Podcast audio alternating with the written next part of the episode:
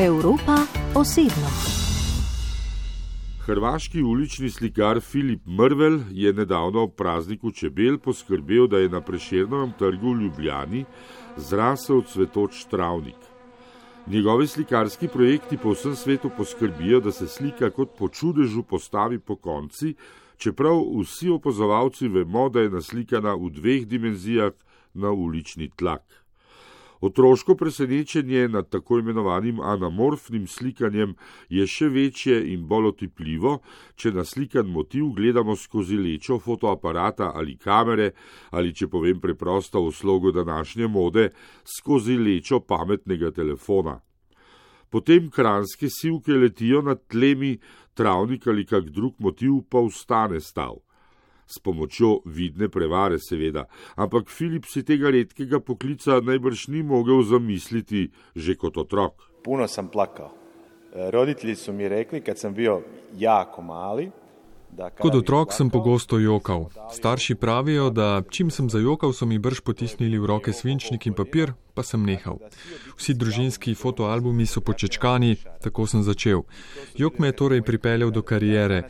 Že v drugem razredu sem obvladal perspektivo, risal sem kamione, ki sem jih takrat oboževal, najprej sem hotel postati kamionar. V petem ali šestem razredu sem poznal zakonitosti portreta. Moj stric, sojmenjak Filip, je bil pleskar, očaran nad umetnostjo in mi je prenašal knjige iz Nemčije. Nemško sicer nisem znal, a slike so bile dovolj, da sem pred koncem osnovne šole poznal proporce, pravila portretiranja in tako naprej. Kako se slikajo portreti, crtajo portreti in tako dalje. 45-letnik iz slavonskega broda se je sicer šolal v povsem drugi smeri, a osnovno zgodovino anamorfnega slikanja pozna.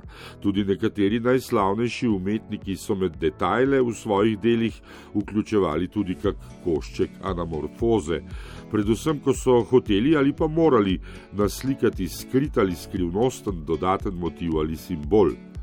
Ni pa to vrstno slikanje nobena nova iznajdba ova nekakva priča sa optičkim iluzijama i ovom anamorfnim slikanjem kojim ja radim, već možemo naći u 15. stoljeću radove Zgodba o optičnih prevarah oziroma anamorfnem slikarstvu se začne že v 15. stoletju. Italijanski slikari, ki so ponovno odkrili linearno perspektivo, so to počeli še prej. Michelangelo in Da Vinci sta že izkoriščala zakonitosti anamorfoze.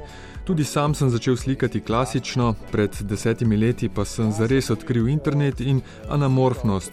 Gledam sliko, vem, da to ne more biti resnično, ne mogoče, da bicikl narisan na tleh izgleda, kot da stoji po konci. Začel sem raziskovati, a takrat je bilo še za manj. Sicer sem nagnjen k progresivnosti in končno sem našel tri najboljše ulične anamorfiste in jim kar pisal po elektronski pošti, kako vam to uspeva. Dva sta mi odgovorila in najslavnejši Nemec Edgar Miller oziroma njegov agent sta me usmerila k pojmoma metamorfoze in anamorfoze.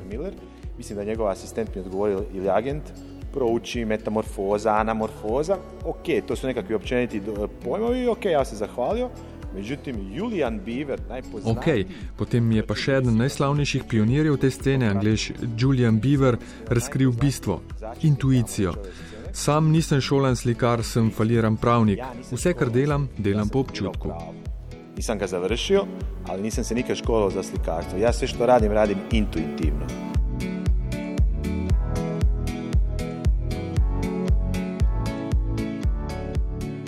Ko rišeš recimo v Ljubljani, svetoče, travnike in čebelice in podobno, in vse skupaj izpade tridimenzionalno na pogled, preprosto vidiš, kaj še manjka in dodaš, ali imaš to že vse v načrtu v glavi prej.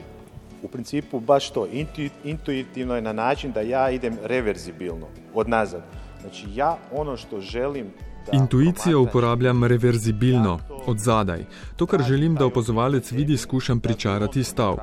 To je moj način, eh, so tudi drugi, recimo metoda anamorfnega slikanja, ki je matematična, geometrična, pa da ne zaidem preveč k podrobnostim. Z določenimi poudarki dobimo nenaraven vides naslikanega motiva. Zato se mladi nikar ne sprašujte, ali boste v življenju potrebovali matematiko, ker nekoč jo boste. Ta tehnika torej ima svoja pravila, omenil pa sem tudi intuitivni način, ki sloni na izkustvenem izgledu za opazovalca. Ali se može raditi na ovaj intuitivni način, gdje metodom ponavljanja, osjećaja vi tražite taj motiv za onog finalnog promatrača.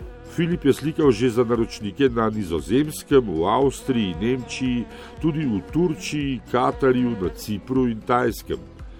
Živali so sploh njegov najpogostejši motiv, čebele pa so neumorni opraševalci, ki skrbijo za to, da svet sploh obstaja takšen, kot ga poznamo. V Berlinu se mu je velikanski projekt s čebelo sfižil zgolj zaradi žive uporabne značilnosti njegovega uličnega slikarstva. Čebelo je hotel narisati na snežno površino v stari industrijski coni Berlina. Z izginjanjem snega bi izginila tudi čebela, tako kot se to vse prehitro dogaja tudi v resničnem svetu.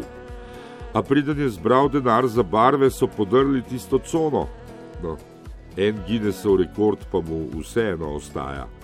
Ja sam u Slavonskom brodu prije nekih desetak godina naslikao sliku od 1300 kvadratnih metara. V Slavonskem brodu sem pred desetletjem poslikal 1300 kvadratnih metrov, ko je Guinnessov rekord znašal še 860 kvadratov.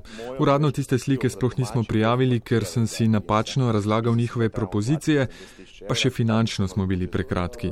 Leta 2013 pa smo na nizozemskem z mednarodno zasedbo naslikali najdaljšo 3D sliko, dolga je bila 140 metrov. To je službeno u to vrijeme bila najduža slika koja je imala 140 metara dužine.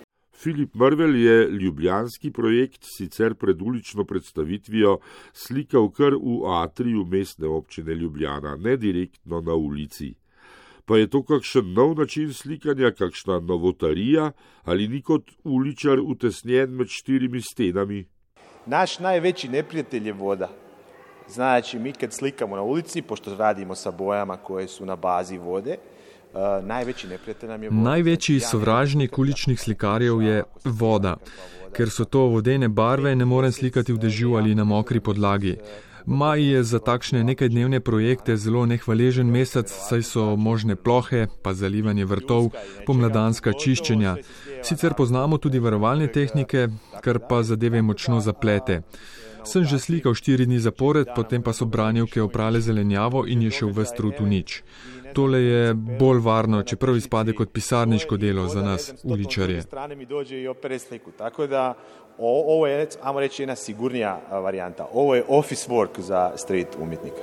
Da je najtežje biti prerok ali pa zvezdnik v lastni domovini, smo lahko razbrali že iz Filipovega življenja pisa. Ampak Slovenija pa menda ni tako daleč, da bi minilo 20 let, koliko je minilo od začetkov, da bi obiskal sosednjo državo. Nije baš mi nije prvi put u Sloveniji, bio sam, a, bio sam a, Maribor i Celje, slikao sam. Ne, ne delam prvič v Sloveniji, sem že slikal v Mariboru in Celju. Nasploh sem začel izven rodne Hrvaške, ampak tako je pač naneslo. Odvisno od prireditev, dogodkov in takih stvari. Še celo dopade se mi slikanje v Sloveniji, saj smo sosedje, veliko krat se popeljem skozi, pa ni časa za postanke. Na ta način lahko bolje spoznam vaša mesta in ljudi. Ko so mi rekli, zdaj Ljubljana, super. malo bolje a, a, ljude i gradove. Tako da mi je drago kad su rekli Ljubljana, super. 3D ulične slike presenetijo opazovalca zaradi značilnosti človekove vidne zaznave.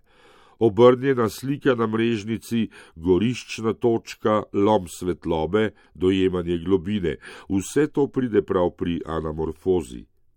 Ampak zakaj so takšne slike prav v zadnjem času vse bolj v spredju, saj ljudje od pamti veka gledamo z enakimi očmi?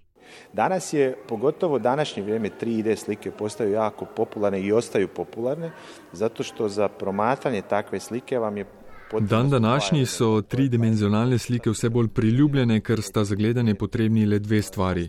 Najprej točka gledišča, 3D učinek se namreč pokaže le iz določene točke, in drugič, učinek je močnejši, če gledamo sliko skozi lečo kamere, telefona, česar koli. Danes imamo to že vsi, to je pripomoglo k pravi eksploziji Upravo to je 3D slikanja. Eksplodira u svijetu. Danas je to vrlo jednostavno fotografirati, znači konzumirati i puno lakše dođe do drugih ljudi pomoću socijalnih e, mreža i interneta. Vsi fotografiramo, pa delimo na družabnih omrežjih naprej. Vse skozi smo v sponu, ko že mislim, da je zadeva iztrošena, presenečamo spet nove ljudi. Ko človek preko iskala na kameri kroži okrog slike, ko končno prispe do tiste prave točke, je presenečen, kot sem bil jaz prvikrat. Kako je to mogoče? Pa sklone glavu. Kao i ja kad sam prvi put vidio. Pa kako je to moguće? Pa je potem bolj pametno obiskati kakega očesnega strokovnjaka, če želiš postati mojster anamorfoze. Se je menda bistvo v očeh opazovalca oziroma v napakah in posebnostih človeškega vida. Zakaj ni na mesto umetnikov za nasvet povprašal oftalmologe? Pa nije da nisam, nije da nisam, čak sam i u tom uh, pravcu išao da vidim uh, koje su to nekako uh, proučavajući. Saj ne morem reči, da jih nisem, a vendarle tu ne gre za optično prevaro z očesnimi pripomočki, temveč za zakone anamorfnega slikanja in perspektive. To ni kot v 3D kinu, kjer gre za očala in modro ter rdečo polarizacijo. 3D je zadnje čase tako modi, da imamo še zobno pasto tako poslikano.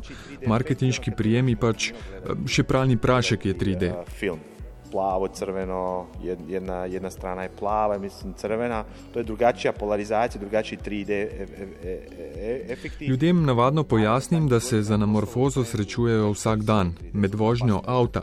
Na tleh razberejo napis bus ali stop s črkami, ki so močno podaljšane v smeri vožnje, sicer napisa ne bi mogli prebrati.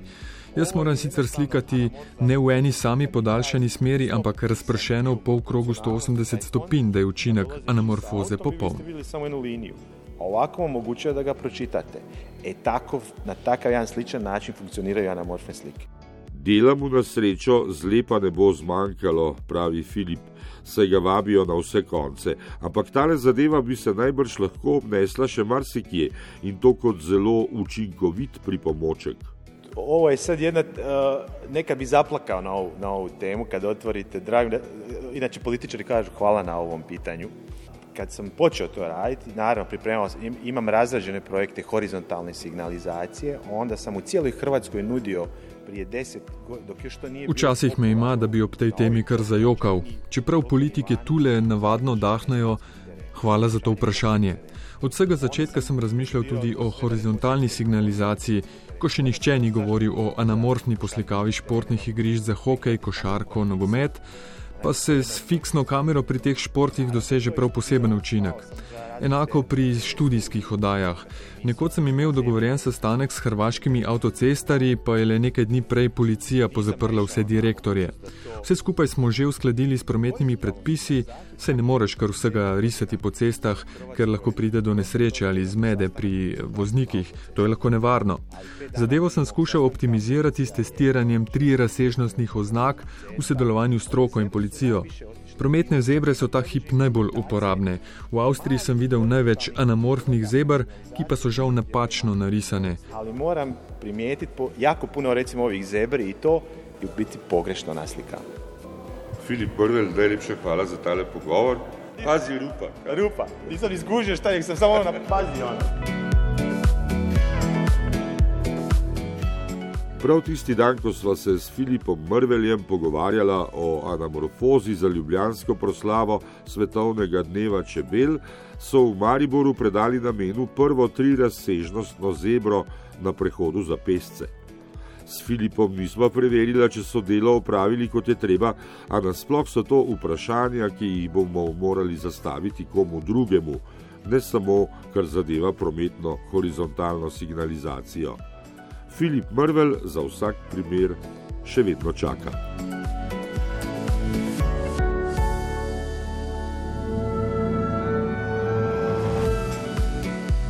Evropa osebno.